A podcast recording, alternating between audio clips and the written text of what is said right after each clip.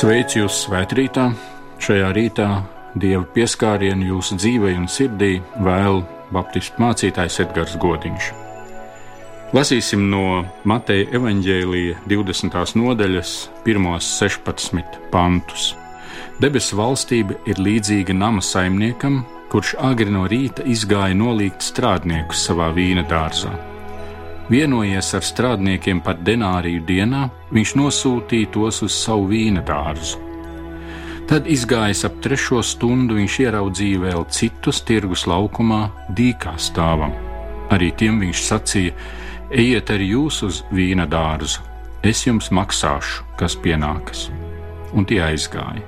Atkal izgājis ap 6 un 9 stundu, viņš darīja tāpat bet ap 11. stundu izgājis, viņš ieraudzīja vēl citus stāvam un tiem jautāja, kādēļ jūs visu dienu šeit stāvat dīkā.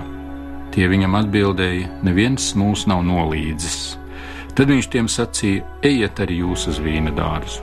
Kad pienāca vakars, vīna dārza saimnieks sacīja savam uzraugam: Pasauc strādniekus un izmaksā viņiem algu. Vispirms pēdējiem, tad pirmajiem Tad tie, kas bija atnākuši ap 11. stundu, saņēma katrs pa denāriem. Kad pienāca klāt pirmie, tie cerēja saņemt vairāk, bet arī viņi saņēma pa denāriem. Algu saņēmuši, tie sāka kurnēt pret nama saimnieku. Šie pēdējie strādāja tikai vienu stundu, bet tu tos esi pielīdzinājis mums, kas visu dienas smagumu un svēlmi esam nesuši. Bet viņš atbildēja vienam no tiem, mans draugs, es tev nenodaru pārestību. Vai tad tu nevienojies ar mani par denāriju? Ņem, kas tavs, un ej.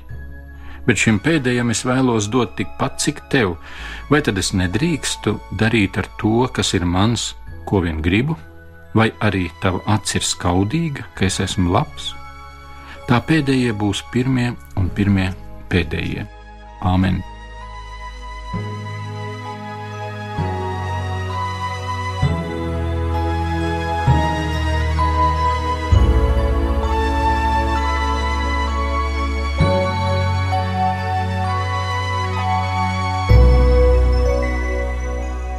Mēs lūdzam Tevi, Svētais, mūžīgais Dievs, Tu, kurš dod mums dzīvību, vadi uz dzīvību, un Tavs vārds ir mūžīgā dzīvība, lai tas šajā rītā no jauna mūs ved pretī mūžīgai dzīvei.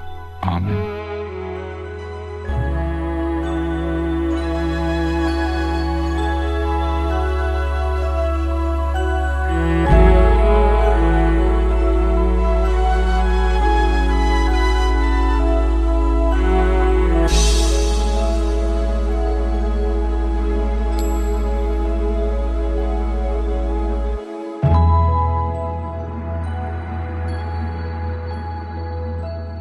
Mēs visi ienākam pasaulē kā dzīvošanas amatieri. Mēs cenšamies atrast un izdzīvot to labāko, bet mums nepieciešams, ka kāds palīdz, iepazīstina, pasniedz roku, ieaicina sakārtotā vidē, ierāda vērtības un ierāda mums savu līdzdalību. Jēzus iepazīstina mūs ar Tēvu, mūsu Dievu Kāds ir Dievs, to nenosaka mūsu priekšstati par to, bet gan tas, ko ir atklājis Dieva dēls Jēzus. Un viņš atklāja Dievu kā ieinteresētu cilvēku dzīvē, Dievs, kurš ieaicina. Būt tur, kur Dievs ir sagatavojis, tas ir dzīves piepildījums, un Jēzus par to runā. Debesu valstība ir līdzīga saimniekam, kurš izgāja strādniekus nolīgt savā vīna dārzā. Jēzus stāsta līdzību par debesu valstību. Debesu valstība un dieva valstība ir tie vārdi, ar kuriem Jēzus apzīmē to jauno, ko viņš ir atnesis. Jau Jānis Kristītājs savā sākuma sludinājumā sacīja: Dieva valstība ir tuvu klāt atnākusi. Un tad, kad Jēzus uzsāka savu sludināšanu, viņš sāka tieši ar šo moto: Dieva valstība ir tuvu klāt atnākusi. Vēlāk viņš saka, Dieva valstība ir jūsu vidū. Viņš arī saka, Dieva valstība nenāk ārēji redzamā veidā. Vēl Daži no jums, kas šeit stāv, nāvi nebaudīs, iekams nebūs redzējuši dievu valstību ar spēku nākam. Šie ir raksturīgākie teicieni par dievu valstību. Mēs gribētu zināt, vai dievu valstība ir atnākusi, vai mēs vēl gaidām, vai mēs esam iekšā vai ārā, vai skatāmies atpakaļ. Vai tā ir pagātne, tagadne vai rītdiena? Kas ir dieva valstība? Liekas, tas ir kaut kas tāds, ko Jēzus pie Dieva esot redzēja kā kādu ļoti lielu pasaules izmaiņu. Kaut ko absolūti pretēju, absolūti savādāku nekā tas bija zemē līdz Kristus atnākšanai. Un tad, kad viņš atnāks, tad šis jaunais pasaulē sāksies. Tas būs kā mazs sākums, maza sēkla, kas izaug kā liels koks, kas apņem daudz, un tur būs liels, nebeidzams izvērsums. Ja mēs uzklausām Jēzus vārdus, daži no tiem, kas šeit stāv, nāvi nebaudīs, iekams nebūs redzējuši Dieva valstību ar spēku nākam, tad liekas, ka kaut kas redzams parādīsies jau pirmo apstuļu laikā. Tā tad mums atpazīstams, ieraugāms. Dieva valstību varētu tā ieraudzīt, ka Dievs no sava troņa skatījās uz pasauli tajā laikā, kad gatavoja savu dēlu nākt pasaulē. Tur bija liela tumsa, ļaunums, asars, ciešanas, saucieni, izmisums, garīga tumsa, atziņas tumsa, attiecību tumsa, dieva meklēšanas tumsa Cilvēki klīda bez orientācijas un savas dzīves izpratnes. Bija tikai viena gaisma, viens ugunskurs, dieva tauta vienā vietā, templis vienā vietā.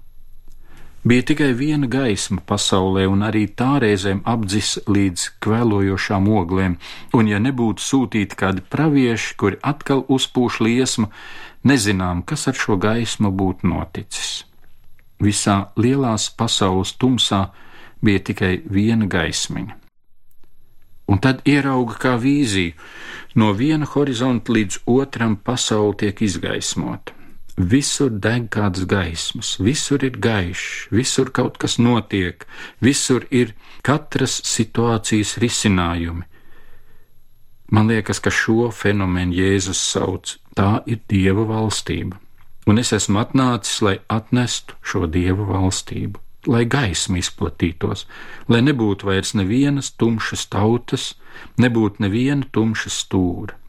Pirms Kristus atnāk un aizsāk to valsti, kurā Dievs būs viss iekš visa, lai visas tautas dzird evaņģēlīju, tas nozīmē, lai visur tiek aizdegta dievišķā gaisma, kas cilvēku ieved izpratnē, gudrībā, un ceļā pie Dieva, lai tu taptu gaišs, tur atnāk Dieva valstība.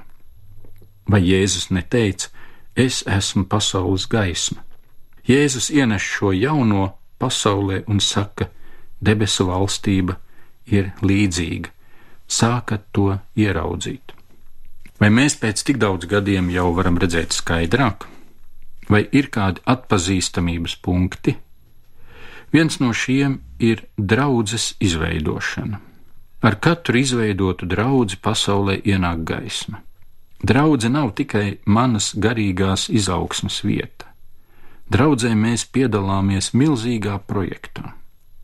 Ja mēs piedalāmies un uzturam dievkalpojumu, tas nozīmē, ka gaisma deg un jebkurā brīdī Dievs var iesūtīt tos cilvēkus, kuri meklē gaismu, skaidrību par savu dzīvi un te ir vārti uz mūžīgo dzīvi. Kur izveidojas draudzene, tur ir dieva valstība. Mēs varam ar pateicību un prieku sacīt: Dievs, tu mani esi ievedis, es esmu iekšā, es esmu tur, kur ir dieva valstība. Es esmu tavā vislabākajā projektā, te man ir vieta. Tu man esi to dāvājis, tavs tuvums, tavā draudzē, baznīcā. Tāpēc arī pirmie apstuļi varēja redzēt un brīnīdamies sacīt, mēs domājam, ka vienīgais telefons, ar ko uz debesīm var piezvanīt, ir Jeruzalemes templī, tagad izrādās, ka tas ir visur - Antiohijā un Sīrijā, un tur un vēl citur, un visapkārt. visur aizdega šī gaisma. Tā eksplozīvi izplatījās caur apstuļu mācību. Cilvēki izmainīja savu dzīvi un tiešā veidā lūkšanās runā ar Dievu radītāju. Svētais gars nāk un darbojas un strādā pie cilvēkiem, un Dieva valstība apņem pasauli. Kur ir draudzene, tur ir Dieva valstība. Otrakārt, ja skatām, kur ir Dieva valstība, tā ir tur, kur Sātans tiek uzvarēts. Šīs pasaules kungs caur Jēzus nāvi ir dabūjis savu spriedumu. Viņš ir saistīts, vairs nav visvarošs, viņa vara ir ierobežota. Caur Jēzus Kristus lielo vārdu un viņa pilnvarojumu katrs viņa bērns drīkst pieskarties šim darbam, ierobežot sātana varu. Tur ir Dieva valstība. Jo kamēr neviens neierobežo, tikmēr ļaunums iet plašumā, kad sāk ierobežot, tad ļaunums samazinās.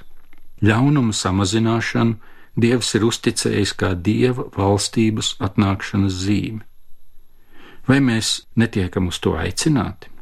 Vispirms jau vismazākajā veidā, ka Dieva vārds mums saka, neiet līdz savām kārībām, nesekojiet šīs pasaules garam, apvelciet jauno cilvēku, atdzimstot caur Jēzu Kristu. Uz to Dievs, vīna kalna saimnieks, mūs ieaicina. Dievs vēlas, lai piedalāmies viņa sagatavotajos darbos. Sātana varai jātop ierobežotai, jo viņš ir uzvarēts ienaidnieks. Un mēs jau to spējam ieraudzīt un drīkstam atpazīt, atvērt acis un saņemt spēku. Dieva valstība ir tur, kur vēlna vara tiek ierobežota caur dieva ieaicinātajiem. Un treškārt, dieva valstība ir tur, kur dzīve notiek pēc dieva likumiem. Kur dieva likumi sāk valdīt, tur vairs nevalda džungļu likumi, nevalda dabas likumi, nevalda politiskie likumi. Kur valda dieva likumi, tur ir dieva valstība. Un tādēļ dieva valstība sākas jau šeit, savā pilnībā viņa vienā ceļā, bez pārtraukuma, aizsniegs godību, jo tur dieva likumi valdīs vispilnīgākajā veidā. Kur dieva likumi, tur ir dieva valstība. Dieva valstība iet plašumā, bet kā tas notiek? Vispilnīgāk būtu teikt, Dievs radi savu valstību, tā kā tu radīji pasauli, izmīci, izveido, iepūt garu, ieved mūs kā ādamu un ievu visā gatavā un saka: šeit ir, dzīvojiet! Pie mūsu pestīšanas, pie mūsu mūžīgās dzīves mēs nekā nevaram izdarīt, vienīgi pateikt: Paldies, ka tu mani ievedi! Tāpat kā Ādamam un Ievai viņš deva savus uzdevumus ēdienas dārzā, viņš saviem bērniem dod uzdevumus savā valstībā. Dievs ir atbildīgs par savas valstības attīstību, bet viņam vajag strādniekus. Un tādēļ arī šajā līdzībā ir rakstīts: rīta agrumā izgāja aicināt strādniekus. Dievam vajag cilvēkus. Vai vajag? Es nezinu. Viņš var izdarīt arī bez cilvēkiem, bet viņš aicina. Atnāk, pieklauvē un saka, vai tu negribi, es tevi aicinu. Dievs ir norūpējies par mūsu dzīvi vairāk nekā mēs paši. Vai mums nav brīnišķīgs Dievs, kurš aicina? Aicina nest Dieva valstību. Mēs drīkstam nest tālāk šo aicinājumu un sacīt, vai tu nevēlies? Drīkstam aicināt cilvēkus Dieva valstībā caur grēku nožēlu un atgriešanos pie Kristus. Drīkstam uzrunāt, vai tu neesi aicināts Dieva vārdu sludināt, vai tu neesi aicināts Dievam kalpot ar dziesmu vai dzēju? Vai tu neesi aicināts dievam kalpot ar mīlestības darbiem, ar apmeklējumiem, varbūt ar uzmanīgu ieklausīšanos cilvēku problēmās? Ja tu esi aicināts paskaties, kas tev par talantiem, kas tev ir dots, pameklē tajā sainītī, ko Dievs tev iedeva, tur ir daudz kas iekšā, kas ir tikai tev dots. Dieva aicinājums ceļ cilvēka vērtību. Katrs cilvēks, kur Dievs ir aicinājis un kurš viņam ir atsaucies, iegūst citu vērtību, jo Dievs viņam saka, tu to vari. Atbildi ar jā un piedalies. Dieva cilvēka vērtība vienmēr tiek celta. Vai gan mēs nemeklējam, kaut es varētu darīt to, kas man izdodas, kaut es varētu darīt to, par ko man tiešām ir prieks, uz ko mani nav jāskubina, ko es daru bez naudas, ko es varu darīt vakarā un rītā un beigās skatīties, izdevās. Man prieks un citiem prieks. Tādi cilvēki auga, viņi pieauga savā vērtībā. Dievs to vēlas, tāpēc viņš saka: Nāc, es zinu, tu izaugs manā tuvumā un manā darbā vislabāk. Dievam pietrūks strādnieku. Viss dārs un augļi bija sagatavoti. Trūka tikai viens ķēdes posms līdz lieliskam iznākumam, un šis ķēdes posms esi tu. Ja tu teiksi jā, tad notiks, ja tu teiksi nē, tad nenotiks. Rīta agrumā viņš izgāja meklēt strādniekus. Protams, kad mēs par dieva plānu sākam domāt, tad mēs esam līdzīgi šiem strādniekiem, kuri beigās saka, mēs tevi nesaprotam. Parasti tā, daudz strādā, daudz saņem, maz strādā, maz saņem. Šeit ir otrādi, mēs nesaprotam tevi, Dievs. Vienādi vai citādi, Dieva valstība ir tāda, kur katram cilvēkam ir jāiziet cauri kādam laikam, kad sakam, mēs tevi nesaprotam. Es tevi nesaprotu. Mans plāns ir citāds. Jo Dievs mūs var izaudzināt ārā no mūsu domu čaulas tikai tad, kad mēs nonākam pie savu domu krīzes. Tikai tad, kad mēs esam gatavi atvērt savu sirdi mācībai un teikt, Dievs paskaidro, es tagad neko nesaprotu, tad Dievs saka, tas ir labi, tagad klausies. Tādēļ tie cilvēki, kuri ir izgājuši cauri bēdām, grūtībām, neziņai, pesimismam, strupceļam, ir daudz vērtīgāki nekā tie, kura dzīvē vienmēr viss izdodas. Jo viņi ir mācījušies, Dievs ir varējis viņus uzrunāt. Paldies Dievam, ka Viņš mūs neatstāja, savus bērnus, pilnīgā laimē. Tas nozīmētu aiziet pilnīgā nelaimē. Bet Viņš ieved tur, kur Viņš var teikt, Tagad tev ausis ir dzirdēt, tagad klausies. Dievam ir savs plāns ar tevi, caur tevi, un viņš to izvadīs līdz galam. Dieva valstība katra cilvēka dzīvē sākas ar dieva aicinājumu: nāc, viņš aicina uz darbu, tev būs jāstrādā. Pie tam jāstrādā tā, kā līdzībās sacīts, ka beigās īsti nevar saprast, viens strādā daudz, otrs maz, bet abi saņem to pašu. Šķiet, ka dieva izvēles principi ir atšķirīgi no mūsu izpratnes par taisnīgumu, jo dievam laikam nav tik svarīgs nolasīto vīnogu daudzums, bet svarīgi, cik cilvēkus viņš var iesaistīt savā projektā. Viņam ir žēl to cilvēku pazaudētais laiks, kuri vakaram nākot vēl ar vienu nav atraduši savu vietu dzīvē. Viņam ir žēl šo cilvēku. Viņš vēl vienreiz aiziet un saka, vai tu tomēr negribi. Dievs ieaicina cilvēkus ar viņu talantiem. Vai neesat ieraudzījuši kādu nemanām robežu vienā pusē nostājas laimīgie, kuri var kalpot dievam ar dziesmu, ar vārdu, kuri var vadīt, var ieņemt amatus, tie ir laimīgie. Otrajā pusē nostājās tie, kuri saka, man nav, es nevaru, man izdodas galdnieka darbs, bet es nevaru runāt. Es varu būt labs advokāts, bet nevaru dziedāt. Es varu būt lieliska bērnu dārza audzinātāja, bet manā draudzē nav svētdienas skolas. Otrajā pusē nostājas nelaimīgie, kuru talantiem nevar atrast pielietojumu. Kāpēc tā? Tas liek mums ieraudzīt savus talantus Dieva valstības ceļā. Dievam varam kalpot ne tikai tad, kad esam dievnamā un draudzes vidū, ir garīgas profesijas un ir laicīgas profesijas. Dievs nešķiro garīgus vai laicīgus talantus. Dievs ir devis talantus kalpošanai, lai visur ienāk Dieva valstība. Darba vietā notiek izmaiņas, kad kāds ticīgs cilvēks tur ienes Dieva valstību ar savu talantu un savām spējām. Skolotājs var būt tāds, kuru neinteresē bērni, tik vien viņa novadītās stundas, un lai dabūtu ārā no bērniem maksimālās atzīmes, jo tad viņam būs labāks vērtējums un lielāka alga bet varbūt tāds skolotājs, kuram rūp katrs bērns. Varbūt tāds advokāts, kura enerģija ir vienmēr uzvarēt, bet cik gaidīti tie aizstāvji, kur meklē gaismā celt taisnību. Var apstrādāt zemi ar lamu vārdiem, vai arī pie apsēta lauka izlūgt dievam ražas svētību. Katrā amatā var ieraudzīt izdevīgumu, sautīgumu un savu goda celšanu, bet Dievs ļauj mums ieraudzīt mūsu kalpošanas iespēju Dieva valstības izaugsmē.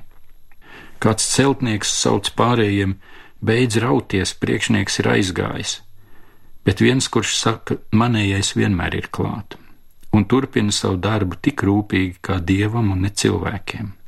Nav krasas robežas starp garīgiem un laicīgiem talantiem un kalpošanu.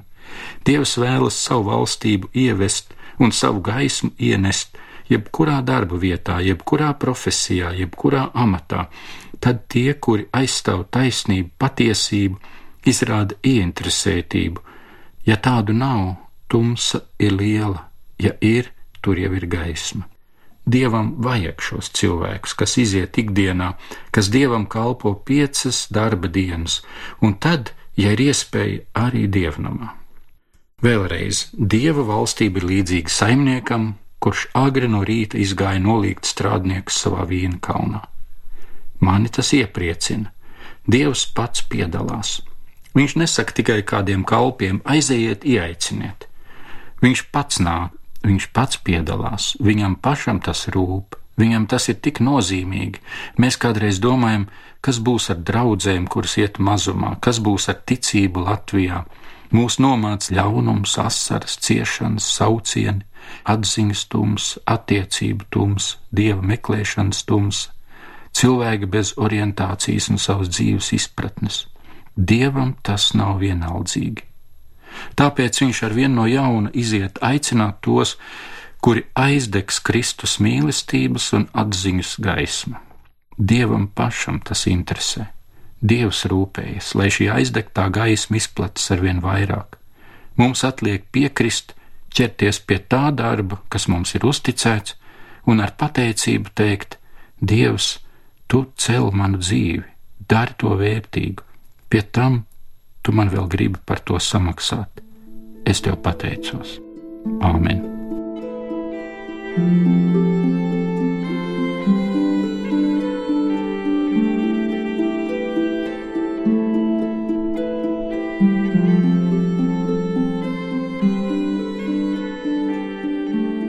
Mēs lūgsim.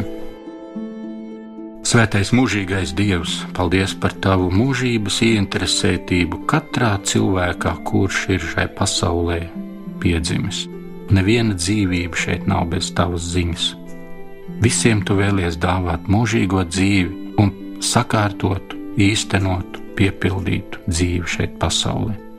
Mēs lūdzam, lai tava gaisma aizsniedz katru cilvēku, kurš uz tevi gaida, un lai tava svētība Vada ikvienu, kurš uz tevi paļaujas.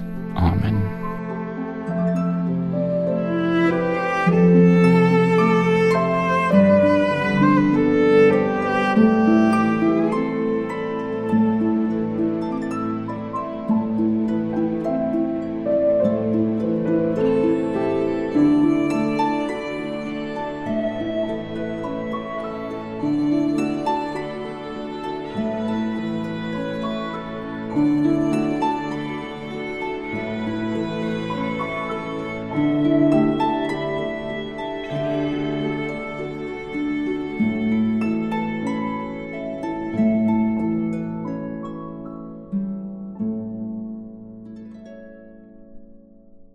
Svētrītā ar jums kopā bija mācītājs Edgars Godiņš.